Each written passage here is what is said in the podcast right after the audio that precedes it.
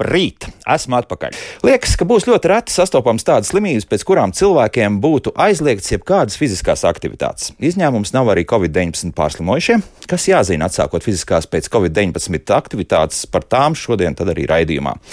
Lūk, esam šobrīd sazinājušies ar VCA fiziskālās medicīnas un rehabilitācijas dienestu vadītāju Gunu Vītoliņu. Guna, labrīt!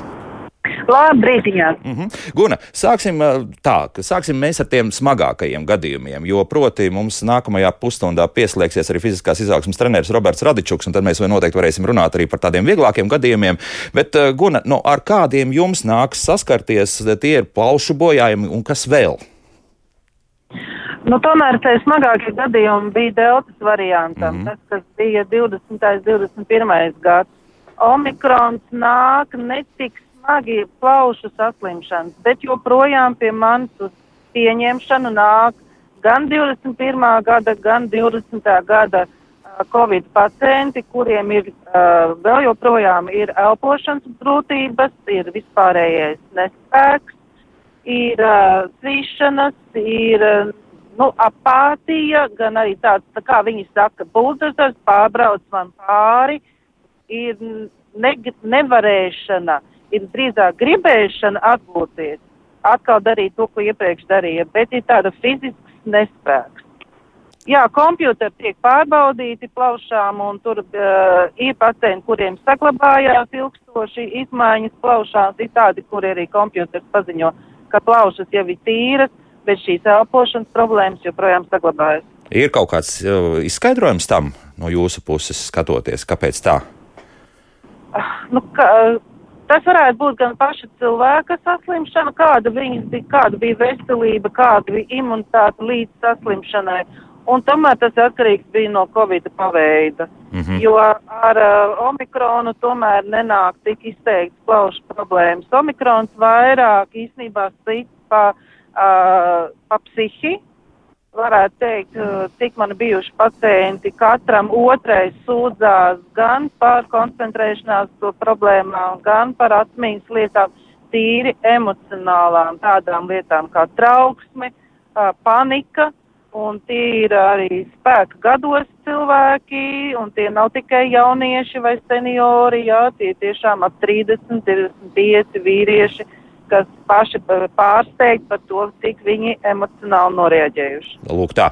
Bet tādā gadījumā nu, mēģināsim palīdzēt arī mūsu radioklausītājiem, kas pie ārsta vēl nav bijuši, bet tomēr jūt, eh, ka kaut kādas blaknes ir un kā mēs tīri ar fiziskiem vingrinājumiem to varam darīt. Nu, ja tas, tas gadījums ir bijis pietiekami nopietns, tad pirmais, kas būtu jāsāk darīt? Vai jāmeklē tomēr speciālists, vai mēs varam sākt arī paši kaut ko uz līdzenas vietas, nu, nezinu, pastaigām pieņemsim sākt to? Um, tad tomēr iedalīsim um, vismaz trijās grupās. Tad uh, asimptomātiskie vieglie, kas tikai nododot analīzi uzzina, ka ir pārslimojuši, tie atvaino dzīvo kā līdz šim. Jā, varbūt tās viņiem ir nespēks, tad nevajag uzreiz uh, trenēties tādos sporta veidos, tā kādi iepriekš nav trenējušies, tad vienkārši veikt ikdienas aktivitātes lēnākā ritmā, mierīgākā. Tad ir otra grupa tie, kas ir saucamās vidēji viegli slimojuši. Tad pārslimojuši mājās, kuriem varbūt nebija plaušu saslimšanas, bet bija visas pārējās elpas trūkumi, galvas sāpes, ožas izmaiņas, muskuloskeletārās problēmas, nu, teiksim, tā kā sāpes kaulos, jā, muskuļu izgriešanas, tādas sajūtas pilnīgi ir, jā. Ja? Tie, protams, tiem vajadzētu tomēr sākt nevis pastāvīgi, bet vismaz pāris reizes ambulatori pie fizioterapeita uzraudzībā. Nu, un tā smagākā grupa, tie, kas bija stacionēti, tie, kas bija reanimācijās, tiem, kuriem bija plaušu problēmas, vai tiem, kuriem bija arī Covid uh, ietekmē arī kardiovaskulāro sistēmu, ir bijuši trombozes, ir bijuši infarkti Un tie, protams, sāk šo te rehabilitāciju tikai uh, funkcionālo speciālistu uzraudzībā. Bieži vien tas notiek mājas apstākļos vai notiek stacionārā. Mm -hmm. Bet, tā es varētu sadalīt tās trīs grupas. Jā, jā, jā, jā. Bet tas nozīmē, ka tur arī varētu veidoties ļoti garas rindas pie šādiem speciālistiem, jo nu, tā, tā statistika jau rāda, ka slimnīcā pabija ļoti daudz mūsu valsts iedzīvotāju. Nu, tās plūsma tomēr valstī jau ir sadalīta. Tātad -hmm. smagākie, uh, kā pēc slimnīcas apstākļi, tie ir nonāk veselības uh, nacionālā rehabilitācijas centrā vai arī. Mm -hmm. Uh, vidēji smagie tie uh, no, tiek pātrinātās rindas ir uh, uh, tādās uh, medicīniskās iestādēs kā līgatne, tērvete, jaunķemeri, un tam dēļ ir rehabilitācijas dienas stacionāri, lielākos pilsētās, lielāko pilsētu poliklīnikās. Vienvārds... Tieši mērķa auditorija Covid pacienti. Tie, kas bija vieglā formā, jā, tādām mazām sūdzībām, jā, tiem tad ir valsts atmaksātā rehabilitācija, kas ir nu, atsevišķi pie vienas uh, funkcionālās speciālista. Nu, parasti tas ir fizioterapeits ierasti. Ja? Bet, eh, lai nesabiedētu cilvēkus, nu, kas parasti notiek šādās šādu vizīšu laikā? Kādi tie vingrinājumi ir? Noteikti jau kaut kāds tāds, tāds vingrinājuma komplekss ir izveidots. Nu, vingrinājuma komplekss sākās ar, ar pamatsūdzību. Tad, ja tā ir elpošanas problēma, tad tā ir elpošanas vingrojumi. Sākumā tas ir sēdus, uz krēsla tiek aktīvas plecu kustības, vēda presa jeb diafragmālā elpošana, krūšu kurve elpošana. Uh, vingrojumi piedalās, uh, arī tiek izmantot sīkais inventārs, nu, teiksim, bumbas vai lentas vai nūjas. Nu, un uh, fizioterapeits kontrolē dara gan pēc pašsajūtām, kā jūtās, vai nenokūst, vai pēc sajūtām, teiksim, galvas tur sāpes vai nerodās, vai, vai tās reibonis nerodās. Un, protams, ir arī objektīvās izmeklēšanas metodas, kā spiediena kontrole vai skābekļa saturācijas pārbaude notiek. Nu, tur ir, tādi noteikumi, ka, ja, teiksim, spiediens jau uh, ceļās vairāk par 30 vienībām, vai pulss ceļās pa 30 vienībām, nu, teiksim, izējošais bija 60, jā, un tagad ir pulss 90. Tad ir sasniegta šī slodze. Nu, ja ir, teiksim, krītās skābekļa saturācija, nu, teiksim, bija 95 un tagad ir 91, 90, tad arī nedrīkst intensīvāk. Tad spriež gan pēc paša klienta, ja pacienta sūdzībām, gan arī pēc objektīviem rādītājiem. Mm, tātad divas ja lietas. Ja pašajūta ir laba, jā. jā, un šādas sūdzības nav, tad, protams, pievienojās jau, nu, uh, citi vingrojuma grupas, kas varētu būt horizontāli uz kušetas vai uz grīdas. Tad jau ieslēdzās lielāka ķermeņa daļas vai viss ķermenis, tad mēs strādājam arī ar rumpi, ar vēderpresi, ar kājām. Nu, un tad pakāpeniski, jā, un šī pakāpeniski katram ir sava, bet, nu, klasiski tomēr slodzes kāpināšana notiek ik pēc septiņām reizēm, kad apmeklē fizioterapeitu. Tad skatās, vai nevarētu kāpināt tālāk, kaut ko citu vēl piedāvāt, adaptāciju. Mm -hmm. Un šīs septiņas reizes apmēram tiek sadalīts, cik ilgā laika posmā tās ir uh, nedēļas, mēneši, kā sanāk? Nu, tas ir kā kurš bijis, ja tad vēlreiz, ja bija uh, viegla forma Covidam, ja bija trenēts cilvēks, viņš, protams, adaptējās ātrāk pie fiziskās slodzes, un tas varētu būt arī nedēļas laikā, jau pāriet uz nākamo slodzes pakāpi. Nu, un arī tomēr bijušas situācijas, kad uh, cilvēks ir smagi pārslimojis un šīs te slodzes kāpināšana tomēr notiek vēl stipri ilgāk. Jo tomēr diezgan daudzi uh, 21. gada Covid pacienti vēl ir mājās vajadzīgs skābekļa baloni, skābekļa inhalācijas. Jā, vēl tas vēl papildus. Ja?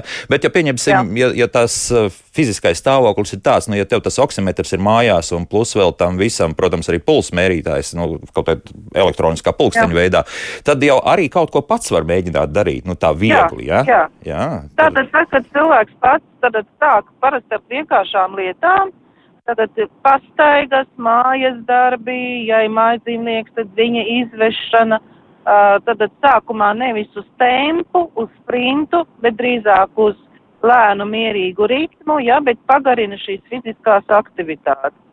Tās varētu būt, nu, teiksim, kaut kādas ikdienas lietas, kā, nu, grīdas mazgāšana vai, vai kaut kāda mājas darbu veikšanas, ja, un skatās pēc šiem objektīviem rādītājiem, tad, ja pašjūta laba, tad var lēnām kāpināt.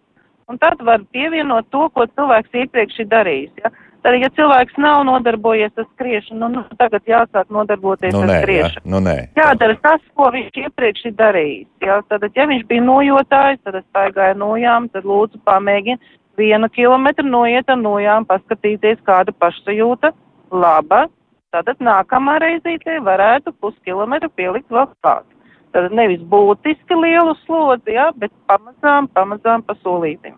Bet tur mēs visu laiku izkritīsim no tās ierastās pulsa zonas, noteikti jau tur, ja kāds tiešām uzmanīgi arī skaitīs sev līdzi, iespējams, ka arī šādā pastaigā tur varētu būt arī 110 sitienu minūtē un pat vēl vairāk. Nu, par to ir jāsatraucas un jāmēģina visu laiku tomēr turēt tajā pirmajā pulsa zonā sevi. Nu, vajadzētu tomēr turēties sākumā tajā izdejošā pulsa zonā, jā, jo, teiksim, omikrons tiešām arī raksturojās ar tahikardijām, jā. Ja nebija, nebija tik izteikts plaušu problēmas, cik izteikts ir pātrinātais spiediens un labils, jeb nestabilais um, atriālais spiediens un ātrais puls. Jā, tad tomēr būtu rekomendācijas nepārietam pulsam, jā, jo tas norāda, cik sirds ir gatava slodzēji. Ja puls stipri pātrinās, tad no slodzi tomēr vairs nedrīkst kāpināt. Pat ja varbūt tajā pirmajā brīdī tā, tā pulss palielinās. Tas jau liekas, tam ir pilnīgi normāli, jā, bet, nu, ja, teiksim, izējošais puls jau bija uz augšējās robežas 90 reizes minūtē, nu, diez vai, ka vajag 120, 130, nu, nē. Mm -hmm. Tomēr jābūt objektīvi, jāieklausās, jā. Ja? Tad tomēr sākt ar pastaigām. Ja? Savukārt mājās, Pastaigām. jā, mājās nu, mēs jau noskaidrojam arī pāris vingrinājumus, kas ir jādara speciālistu klātbūtnē. It kā to varētu arī darīt vai nu dzīvoklī, vai mājā, bet vēl arī varbūt kaut kāda, nezinu, papildus fiziskās aktivitātes, nezinu, hantelis, vēl kaut kas tam līdzīgs. Nu, to arī tieši tāpat jāskatās, kā ar pulsu ir un, un arī skābekļa piesātinājumu asinīs. Jā, jo hantelis vai smilšumais vai vienkārši ar ūdeni pildītas 250 ml pudelītes, tā arī ir papildus slodze muskuļiem. Muskuļiem tad vajag skābekli, un skābekli, ko dara dzen, protams, mūsu sirdsdarbība. Tātad caur to, tātad caur sirdsdarbību mēs saprotam, vai mēs varam jau tās kantelītes ņemt rokās, vai mēs nevaram ņemt tās kantelītes rokās. Mm -hmm. Tātad, jā, jā. Jā, jā, turpiniet, turpiniet, turpiniet. Par, uh, pa, papildus fiziskām slodzītēm. Gribētu teikt tā, ka, jā, ir, protams, tendence vairāk vīriešiem uzreiz kanteles un tagad ir tuliņiešu basēnā un peldēšu kilometru un, un tam līdzīgi. Jāiemācās tomēr ieklausīties sevī, kā es jūtos, ja, netaisīt paniku, ka es tagad jūtos švakāks, ja, vājāks, ja, ir pakāpenisms arī tāda, ir tādas vadlīnijas, ja, tās, piemēram, man patīk Lielbritānijas vadlīnijas par šo te pakāpenisko slogošanu. Un tur ir tādas piecas pakāpes, kur izmanto uh, Borgas skalu. Borgas skalē ir tādas 20 vienības, un tur tajā rādītē tiek, tiek šie tieši izmantots tāds sajūta kā noguruma sajūta, uh, spēja parunāt fiziskās slodzes laikā un sirdsdarbība. Tātad, ja fiziskā slodzes laikā vairs nevar parunāt, tad tā jau ir pietiekoši liela fiziskā slodze un šo slodzi nevajag pārkāpt. Tātad arī varētu pamēģināt paši, kad mēs mājās nodarbojamies ar fizisko vingrošanu, ar tām pašām hantelēm.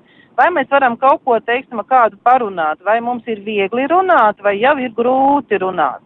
Tātad, ja ir grūti runāt, tad tā jau ir vidējas intensīvas slodze, ja kuru diez vai vajag taisīt Covid pacientiem pašā sākumā. Tad sākam ar mērenu slodzi, vieglu, vēl pēc mēneša jau vidējas intensīvas slodze, ja, un tālāk jau ir augstas intensīvas slodze. -hmm. Kas notiek, ja šāda aizelšanās, runājot un veicot kādas fiziskās aktivitātes, turpinās, tad arī citi speciālisti jāsāk apmeklēt, laikam arī kardiologu un, un tādas vizītes vēl būs nepieciešamas. Ja? Vispār jau vienalga, kādās bija šīs saslimšanas veids, viegls vai vidējs, par smago mēs vai grūto, kā jūs teicāt. Uh, tas ir pilnīgi skaidrs, ka ir jābūt vispārējiem izmeklējumiem, ja, jo uh, uh, vienalga kāds veids bija Covidam, viņam ir tomēr ietekme uz asins recēšanas faktoriem. Tad jāpārbauda arī tie saucamie D-dimēri, tad vai nav tendence uz asins sabiezēšanos, vai nav izveidojies kāds trombs. Nu, un tad, ja mēs tad uh, trenējamies un ir mums šīs te tomēr nestabilais spiediens un pātrinātā sirdsdarbība, tad tomēr ir kardioloģiski jāpārbaudās. Vajadzētu paplašinātā veidā uh, izmeklēties. Tad nevis vienkārši kardiogrammu, bet kardiogrammu rakstīt pie fiziskās slodzes. Nu, piemēram, pie vēlergometrijas tāda metode ir, kad sēžās uz velosipēda, tur palielina fizisko slodzi, tad vatus liek klāt un tai pašā laikā raksta kardiogrammu. Un tad to var redzēt kāda ir reāls sirds gatavība pie fiziskās slodzes. Mm -hmm. Ir tādi pacienti, kuri nevar, teiksim, to velosipēdu mīt dažādu iemeslu dēļ, nu, kustību balss aparāta problēmas dēļ, vai, teiksim, varbūt arī smagas elpošanas problēmas. Ir tāda me izmeklēšanas metoda kā holter monitorizēšana. Tātad 24 stundas tiek rakstīta kardiogramma, ja, un pacients dara un uh, pieraksta tā, tā kā dienas grāmatu, kur viņš raksta, nu, viņš tagad mājas darbus veids, vai viņš tagad iet pa trepēm augšā, ja, vai viņš tagad atpūšās, ja, lai arī tas uh, cits speciālists, kardiologs varētu, varētu spriest, kas notiek ar sirsniņu pie šīs te dažādām fiziskām aktivitātēm. Un saprast, ja, ka... Ja šīs izmeklējumi kārtībā, tad, protams, mēs drīkstam kāpināt slodzi. Ja kaut kas tika atklāts, tad, protams, caur, ar, sadarbojoties ar kardiologu, vajag meklēt, kādas problēmas tad izlec ārā šajos izmeklējumos. Mm -hmm. Un tas nozīmē, ka tas nav tikai nu, tāda nu, pēc vairāku gadu teiksim, pārbauda, ko vajadzētu veikt vienkārši sirds pārbaudē, bet tiešām arī tad, kad ir pietiekami nopietni arī Covid-19 izslimots. Ja? Jā, jebkurā gadījumā, un ja mēs arī skatāmies, to arī dara stacionārās, ir pacienti, tie, kas nonāca stacionārā, viņi tiek vispusīgi izmeklēti. Jā, viņiem ir šīs kardioloģiskie izmeklējumi, ir analīžu izmeklējumi, ir plaušu izmeklējumi, jā, un, un tad tie, kas ir uh, vidēji smagi ārstējušies, bet mājās, tad viņiem tas ir jādara ambulatori. Obligāti, jā, pat varētu teikt. Obligāti. Jā. Jo citādi nevar. Nu, lūk, bet tik tālu mēs esam tikuši. Mums uh, viens arī mājaslaps jautājums ir, bet Silvija uzrakstījis, baidos, ka šajā gadījumā Gunna Vitoļņa mums nevarēs atbildēt par šo pēc pārslimošanas, cik ilgā laikā sāk parādīties antivielas un cik ilgi tās uzturas organismā.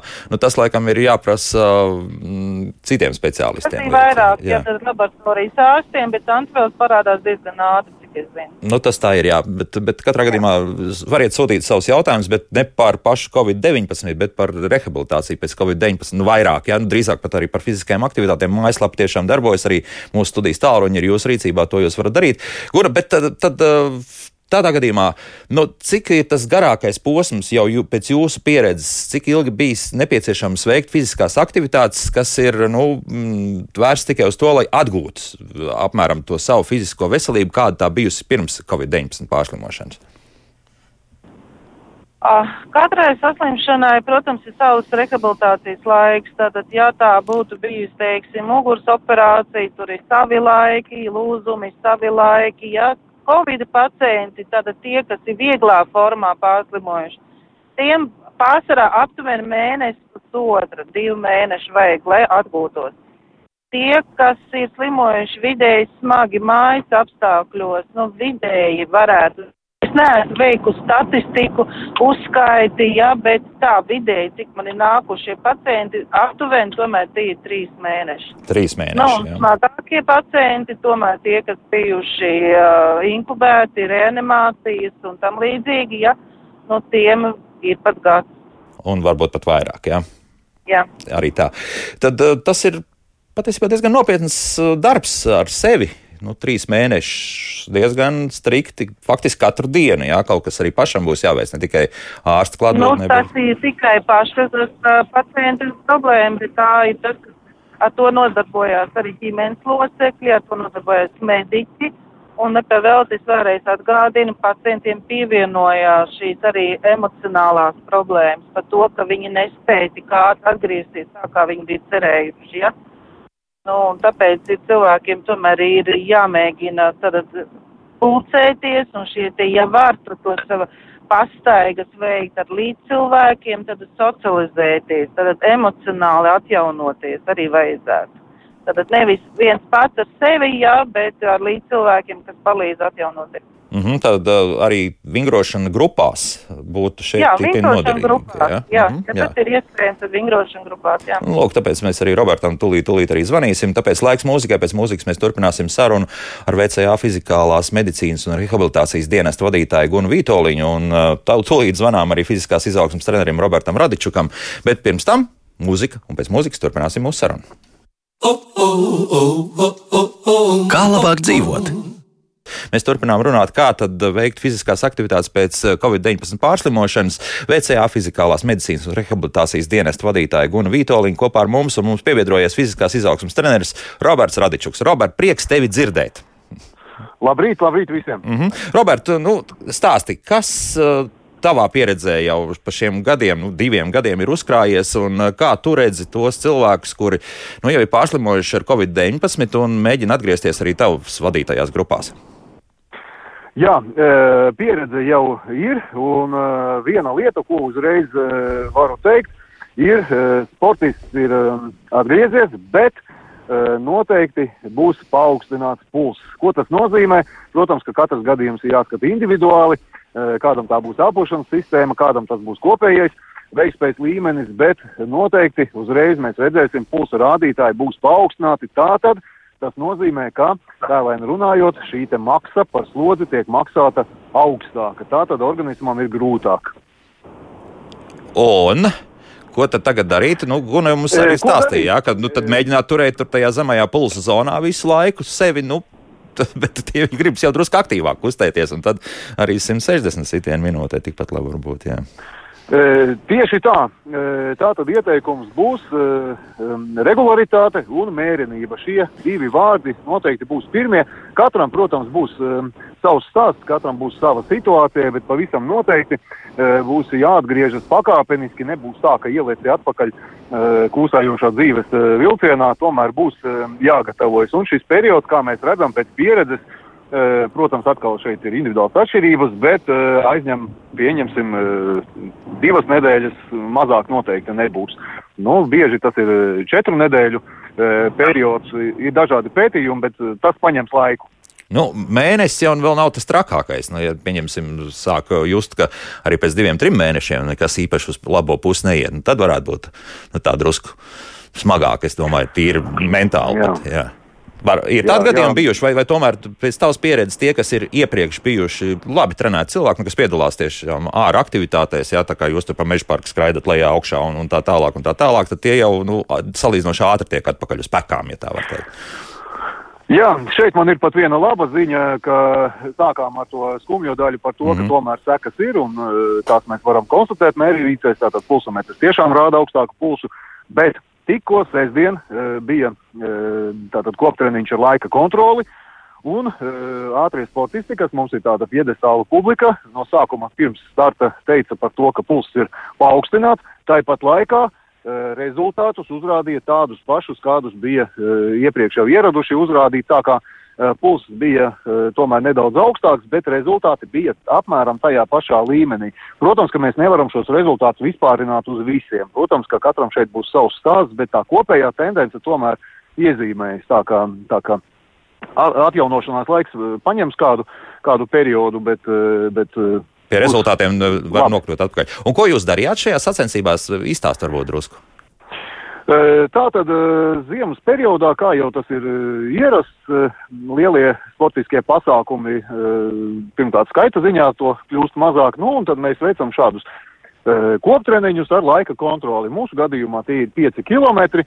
Nu, tādā veselības redzējumā gan, piemēram, 3 km distance, gan 5 km distance, tas ir tādam trenētam cilvēkam. Uh, Eh, labs veids, kā varētu pateikt, arī raksturot kopējo veselības stāvokli. Ir Kūperas slodzes testi un tam līdzīgi tur saraksts ir garš, bet uh, ierasta slodze, ja es zinu, ko es esmu uh, darījis vasarā un kā man uh, veicās vasaras sportošanā, tad es varu ziemā arī, protams, veikt salīdzinošu šādu treniņu. Mm -hmm. Tad 5 km garumā jūs veicat vairākus, teiksim, tādus treniņus, nu, tā var teikt, jā, vingrinājumus, jā?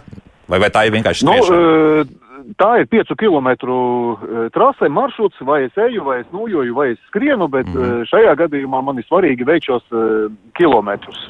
šajā gadījumā tā ir tomēr tāda kā sacensību tipu, tipa pieredze. Skaidrs, jā. jā. Guna, lūk, dzirdējāt arī Robertu, jūs arī jūtat to, ka cilvēki, kas iepriekš tomēr nodarbojušies ar fiziskām aktivitātēm, tiek arī ātrāk uz, uz tās normālās dzīves līnijas atpakaļ. Jā, tā noteikti tā ir. Un, uh, uh, gribētu arī teikt, ka uh, tie, kas ir trenēti, tie jau arī uh, saprot treniņa būtību. Ja, ka viņa ir, uh, jebkurš treniņš ir iesildošā daļa, ir treniņš, kurā varētu būt kāpinājumi, intervāli un arī pašu treniņu beigās ir arī paškontrols un stiepšanās. Tie, kas nekad nav trenējušies un sāk trenēt tikai ar spēka vingrojumiem vai aerobiem un nedod Dievs anaerobiem treniņiem, tikai var sev kaitēt. Tāpēc es, jā, es esmu ar mieru, ka tas nenotiek ne tikai fizioterapeitu uzraudzībā, tas varētu būt tā, kā šeit kolēģis runāja par šīm te grupu veida darbībām, ja, kad cilvēki vienkārši zina, ko viņi dara, kā viņi to kontrolē, ja, un kā interpretēt rezultātu. Kas ir svarīgi, ja, ka tiešām Tas rezultāta svarīgi, interpretācija ir uh, saprotama gan tev, gan arī faktiski arī trenerim tādā gadījumā. Roberts, tu arī tur paskaties, ja, ko, un varbūt kaut kādi ieteikumi tālāk ir, ko darīt. Jā, skatāmies, tagad iedomājos arī, nu kā tad īsti pieņemsim ikdienā, ne jau visi būs tagad aktīvi sportisti, jārēķinās ar to, ka šīs sekas mēs jau konstatējam arī ikdienā. Ko tas nozīmē? Cilvēks kāp pa kāpnēm, ja ir aizjausies, nu, bet, protams, ja iepriekš tāda parādība nav novērota, nu, tas mums ir kārtīgs jau konstatējams rezultāts. Tā kā, ja arī nav šīs mērierīces, ja arī nav tādi uh, citi rīki, tad uh, elpošana noteikti uzreiz parādīs. Kaut vai to pašu manis pieminēto paaugstināto pulsu, kas patiesībā ir stumārais rādītājs. Tas nav tikai uh, viens rādītājs, tas mums parāda kopējo veiktspēju. Mm -hmm, mm -hmm. Lūk, tā. Bet uh, tagad es gribēju pajautāt, tādu tā, drusku sev sirdī tīkamākas lietas. Nu, man patīk sporta spēles, nu, man patīk basketbolu spēlēt, un, un noteikti ir tie, kas spēlēs volejbolu, kas hokeju ies arī nūju zenāt un tā tālāk. Nu, šeit tad sanāk, ka tas nav tas labākais atgriešanās veids, ka no sākuma tad vajadzētu vai nu tiešām garas pastaigas, tad, pā, kas pāriet tālāk uz, uz kaut kādu vieglu skrējienu un tad tikai atgriezties tajā uh, sporta spēlē. Jo tur tomēr tie kāpinājumi un, un vispārējais ir nu, reizes, es nezinu, nu, 70, 80 kā minimums spēles laikā. Ja? Mm. Uh, jā, nu, sporta spēļu sportistiem ir liela, liela lieta. Izturības sportisti saka, kādas parādiet jums ir tātad pulsa līknes, kādās ar kādu jaudu sportojāt un tam līdzīgi būs skrējēji, riteņbraucēji, gājēji, soļotāji. Uh, bet uh, sporta spēlēs ir uh, sava specifika. Jārēķinās ar to, ka, uh, piemēram, hokejistam spēles laikā pulss uh, staigās uh, kārtīgi, jārēķinās, ka tā cīņas situācija tur būs maksimālais pulss. Mm -hmm. Nu, var teikt, ka tādā sporta uh, spēlē viss sastāv no tādiem intervāliem, atspoles skrējieniem.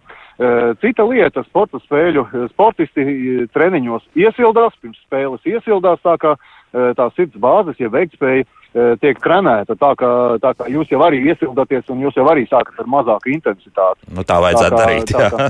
ka samatieši sportā tā. bieži vien izpaliek, gan diemžēl. Jā, bet nu labi. Jā, jā. Nu, un, e, tieši tā, un piemēram, e, futbola skola meta ar jauniešiem iet pārgājienos, kārtīgi trenē sirdi. Tā kā tā, jā, tā, viņi to dara. Tas tiek veikts, jā. Mm -hmm, jā, Guna, jā, jūs piebildīsiet kaut ko par, par tieši par sporta spēlēm, kur, kur nu, nevar tā sadalīt tā skaisti to slodzi, tā kā vajag. Jā, un, un iespējams arī ne oksimetrs būs šajā gadījumā pie rokas piestiprināts stiprināts, un arī pulsmetrs nebūs īsti nu, virsū. Nu, tad tajā gadījumā tā būtu tā reize, tomēr jāaiziet uh, vai nu sporta laboratorijā pārbaudi vai vēl ergometrijā, jebkurā lielākā medicīniskā iestādē, ja? Mm -hmm. Tad ir objektīvs rādītājs, jo tur tiešām var uh, uh, uzdīt pulsu līdz uh, pat maksimālam pulsam, ja, un skatīties, kas tiek ar sirdi, ja. Tātad, ja sirdi un viss pārējais, tad ir rādītāji labi, Nu, tad jā, pakāpeniski tajā hokejā vai basketbolā ne jau taču visu spēli, tu taču ir maiņas, jā, tad varbūt saīsināt šīs maiņas, kad tu esi laukumā, jā, lielāk šīs atpūtas pauzes, jā, bet noteikti tomēr pārbaudam objektīvi sirdi. Mm -hmm. Tas ir pirmais, jā, kas būtu jāizdara. Tā, nu paklausīsimies kādu klausītāju, lūdzu, jūs varat jautāt? Halo! Labrīt! Labrīt! Es gribētu uzzināt, ko, ko, kā lai es daru, ka man spiediens nokrīt nu, pie fiziskas piepūles 95, 52, un pacelt viņu var tikai melno tēju. Daktari saka, jau zāļu nav. Iedzer melno tēju un liekas slīp. Mm. Man Bet tā jums arī- stimulators uz 60. Jā, sakiet, bet jū, jū- noregulē- jūs, jū- jums tas ir ikdienā, tas eh, nav pēc Covid-19 Jā, pārslimšanas. jā, ikdienā. tas man ir ikdienā. Nu, labi, jā, paldies. Varat kaut ko pateikt arī mūsu radioklausītājai, kas it kā neskar mūsu šīs dienas tematiku, bet, bet tomēr, Guna, varbūt. Pietiek zemes spiedienu, protams, mēs nevaram runāt par kādu trenēju, tren, treniņu un trenēšanu. Ja? Mm. Tātad ir jāizmeklē kundze, kāpēc viņai ir tik zemes spiediens. Var jābūt, ka vienkārši ir jāpakoreģē uh, pretspiedienu zāles, tās, kas samazina spiedienu. Varbūt tur vajag mazāku devu, bet nevis paši to darīt, bet noteikti vai nu ģimenes ārsta uzraudzībā to darīt, vai kardiologu uzraudzībā. Mm -hmm. Tātad ir jāzina, kāpēc, jo uh, zemspiediens tā ir ne tikai sirds, tā varētu būt plaušas, tās var būt mieru saslimšanas, ja, tas ir jāuzzina, ja, tad tā ir vispusīgi jāizmeklējās, un par treniņiem mēs neiem, nerunājam šī brīdī. Lūk, tā. Anna mums jautā mājaslapā šādi. Kādas konkrēti analīzes būtu jāveic? Man tagad tieši pēdējās Covid dienas sākumā sāpēja sirds, bija elpas trūkums, bet tikai kādu diennakti, ne vairāk. Mm, Guna, ko jūs ieteiksit? Tātad pirmkārt tā ir pie vispārējā sirds analīze. Vajadzētu paskatīties arī tāds rādītājs kā dzelzi, feritīnu, kā jau teicu, asins reces rādītājs D dimēri.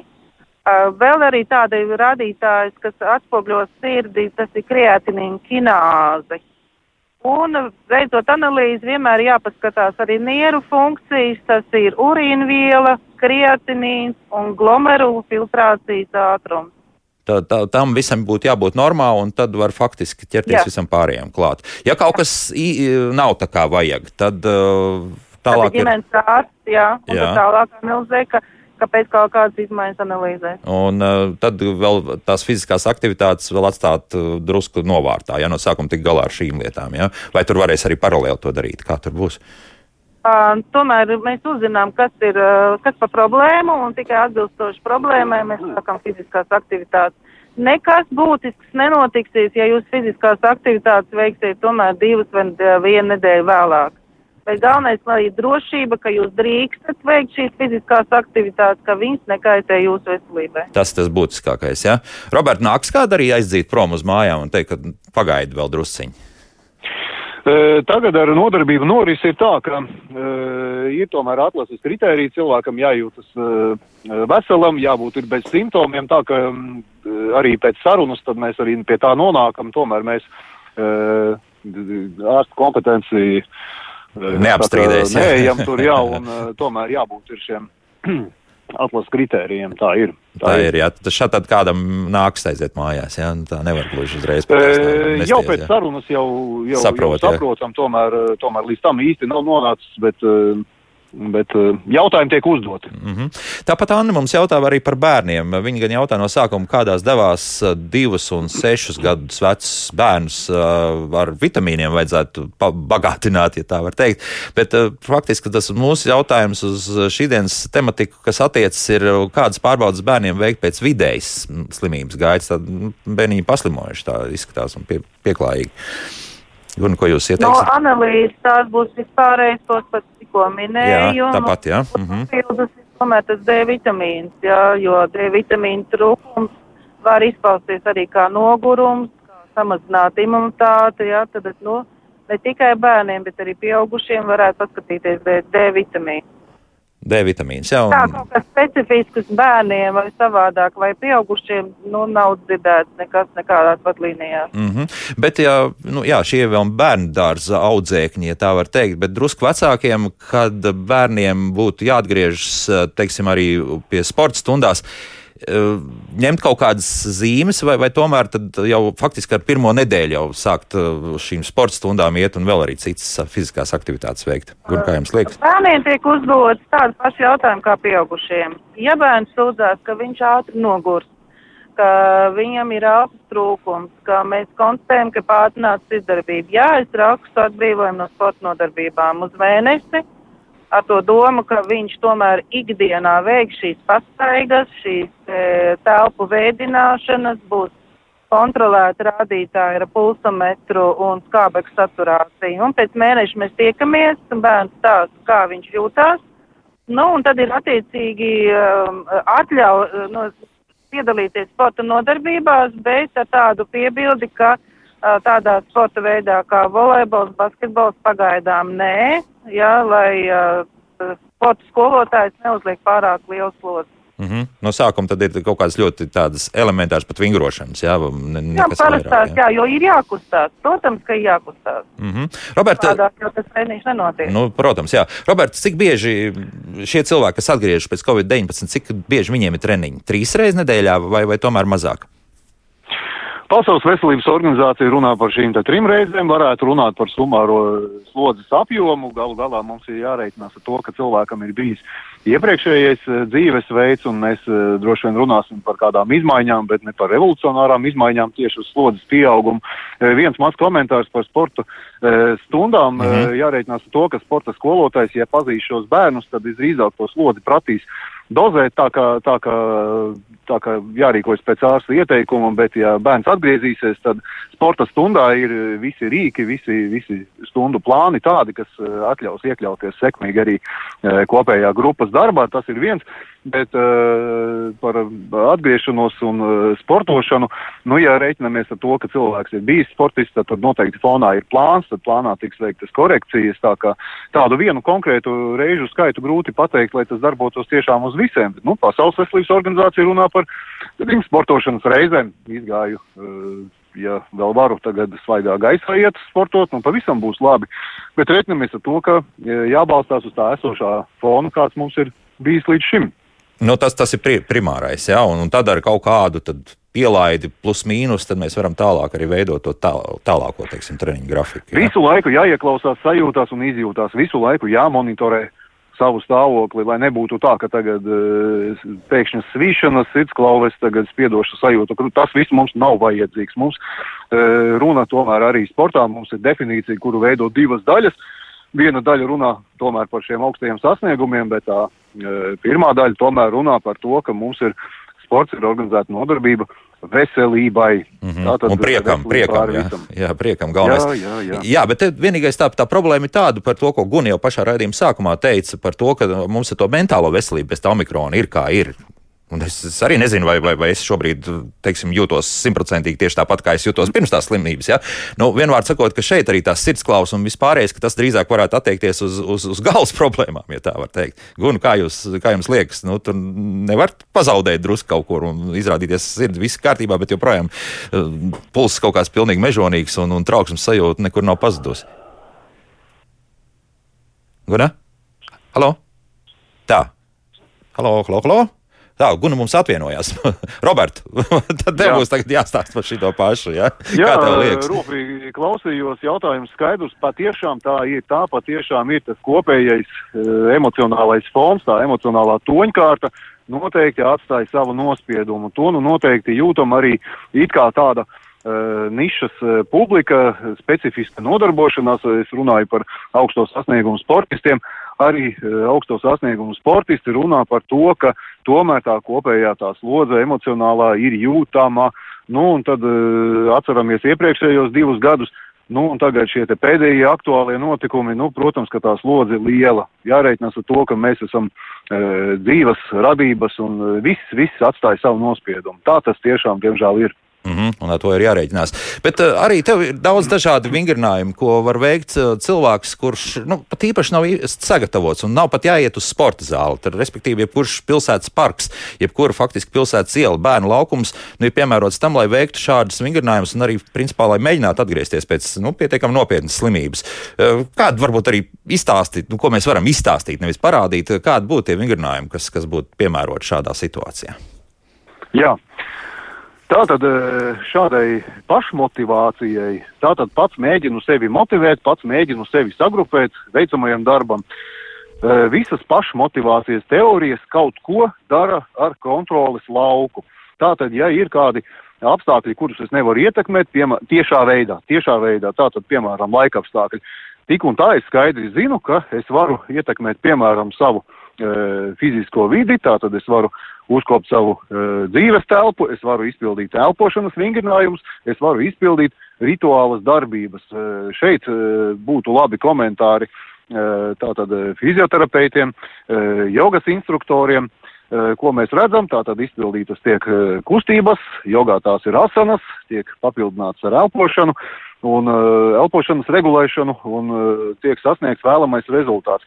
Uh, būs viens tāds mazs piemērs. Tātad, uh, Tātad klaustrofobijas pacientiem, tātad tie ir cilvēki, kas ir izjūt negatīvas izjūtas atrodoties slēgtā telpā, piemēram, ieejot liftā, tiek ieteikts sakrustot uz krūtīm rokas. Šādi tiek iezīmēta vismaz neliela telpa, kuru tomēr cilvēks var kontrolēts. Tātad eh, šeit mums ir eh, jāiezīmē savu kontroles lauku, lietas, kuras mēs varam tepat eh, savā tūmā kontrolēt un sākt ar tām konkrētas, regulāras lietas, sāku ar pastaigu, daru to regulāri un tam līdzīgi, un tam līdzīgi. Pagaid, tagad, lietām... tagad vēlreiz, Robert, tad sakrustojam rokas priekšā, ja, nu tā piespiežam pie krūtīm, jā, jā, jā tā, tā. Jā. Un, un, un tā arī iet, vai, vai, vai tikai tas tā ir tāds stāvēšana? Tagad es paceļu, tagad es paceļu šīs rokas, un es sev priekšā redzu kvadrātu, aptuveni 20 līdz 30, reiz 30 centimetru liels kvadrāts. Jā. Šī ir mana telpa. Telpa, jā. Nu, jā. Šādi es sakārtoju savu elpošanu. Šo pārsvarā iesaka uh, klaustrofobijas uh, pacientiem, klientiem, ja gadījumā man šajā liftā grūti ir ieiet. Un tagad to pašu, tikai tēlaini, izdarīsim arī savā dzīves telpā.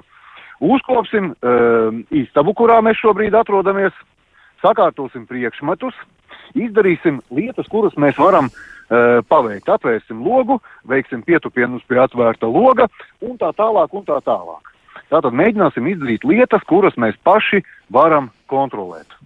Mm -hmm. Tad neizejot pat no dzīvokļa ārā. Jā, tad jau, pat jau... neizejot ārā.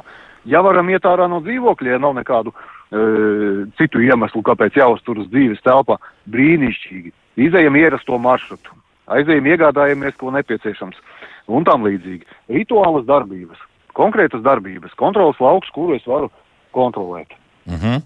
Bet tas nozīmē, ka mēs iedomājamies jā, šo faktiski taisnstūri, kas mums ir priekšā, arī pie šādām noliktām rokām, tālāk, tālāk faktiski mēs varam darīt ar tām rokām tieši to pašu, ko mēs darām. Jā, bet, bet, mēs saprotam, ka tas ir mūsu tāda, ja tā varētu teikt, cilindrs, jā, kā, kā sporta spēlē. Dažkārt, jā, jā? Mhm. jā, jā. jā. varu pateikt no pieredzes, man šobrīd iznāk strādāt pie mācību darba. Tātad, nu, saka, promocijas darbs pats nerakstās. E, pats redzu, e, cik man ir e, viss jādara un, un, un pašam sevi jāpiespiež, bet es skaidri redzu, ja es sāku darīt, pats darbs sāk iekustēties. Tas, kurš dara, tas patiešām nonāk pie vēlamā rezultāta.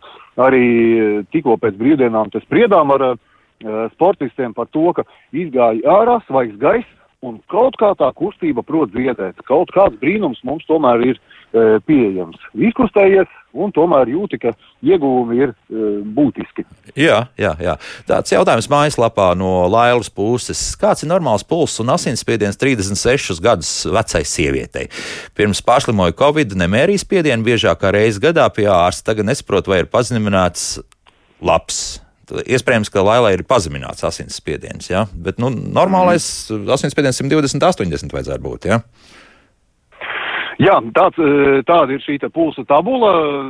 Cita lieta, ka šī tabula tāpat kā ar uh, pulsa rādījumu parāda vēlamajā virzienā, bet konkrētajam cilvēkam būtu labi satikt savu ģimenes ārstu. Varbūt ir kāda jau iepriekšējo mērījumu vēsture, paskatīties, bet uh, Jā, miera stāvoklī pulsam ir kaut kāda, kaut kāda norma. Uh, Nu, zem 70 laikam, jā, varētu būt ar tā 36 gadus vecam cilvēkam. Jā, bet uh, tie ir tādi vispārīgi rādītāji. Vispārīgi rādītāji. Vajadzētu jau tā jā. konkrētāk jau paskatīties, vai cilvēkam nav kādas sūdzības tādas. Nu, un, protams, arī pie slodzes. Ar slodzi šajā gadījumā saprotot ne tikai augstas intensitātes slodzi, bet kas notiek mums ar pulsu, piemēram, pastaigas laikā lai mums būtu e, pieņemama šī slodze.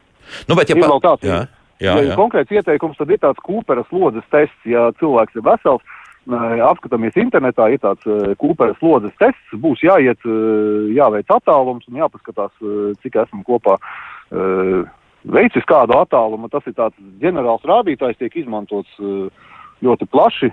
Nu, Jāsta no sākuma un jāsta akceptē. Tad, mm -hmm. Un tad, tad uztaisīs šo kuperu slodzes testu, jā, un paskatīties, kas ar pulsu notiek īsti. Jā. Nu, vēl paņemsim vienu klausītāju ātri lūdzu, jūs varat jautāt. Halo! Labrīt! Labrīt. Patiesībā viss, par ko jūs runājat, mani paziņa, kas ir vakcinēti, viņiem taisni tādas blaknes ir. Un tie, kas nav vakcinēti, pārslimojuši, nu jau ir gads un vairāk, un, un vēl joprojām antivielas saglabājas, un nekādu blakņu nav. Tā, nu, jā, jā, nu, atkal vecais labais stāsts, jā, vieniem ir tā, vieniem šī tā, nu, bet diemžēl ir tā kā ir, jā, un, un diemžēl mirušo arī pietiekami daudz, un ar problēmām arī daudzi saskārušies, kas ir nevakcinējušies bijuši. Nevajag te, tagad dalīt cilvēkus divās kategorijās. Slimo kā varam pārliecināties gan vienu, gan otru. Jā, Robert, laikam tā. Nu, jāpiedomā pie savas veselības, jākustas, jādarbojas, tuvojas pavasars, pa spīti visam emocionālajam fonam, tomēr jādara lietas, kuras varam ietekmēt. Mm -hmm, tieši ko paši varam tuvojas. izdarīt. Jā, pavasaris tuvojas lieliski. Šobrīd vēl drusku tā kā pavāsis ir, bet putniņš šivina. Tas nozīmē, ka jau tiešām pavasaris gaisā ir un, un kāpēc to neizmantot arī veicot fiziskās aktivitātes. No sākuma ļoti mēreni, jā. Es Robertu laikam akcentēju. Tieši tā, jā. tieši tā mērenība. Izejam regulāri sākam darboties. Mm -hmm.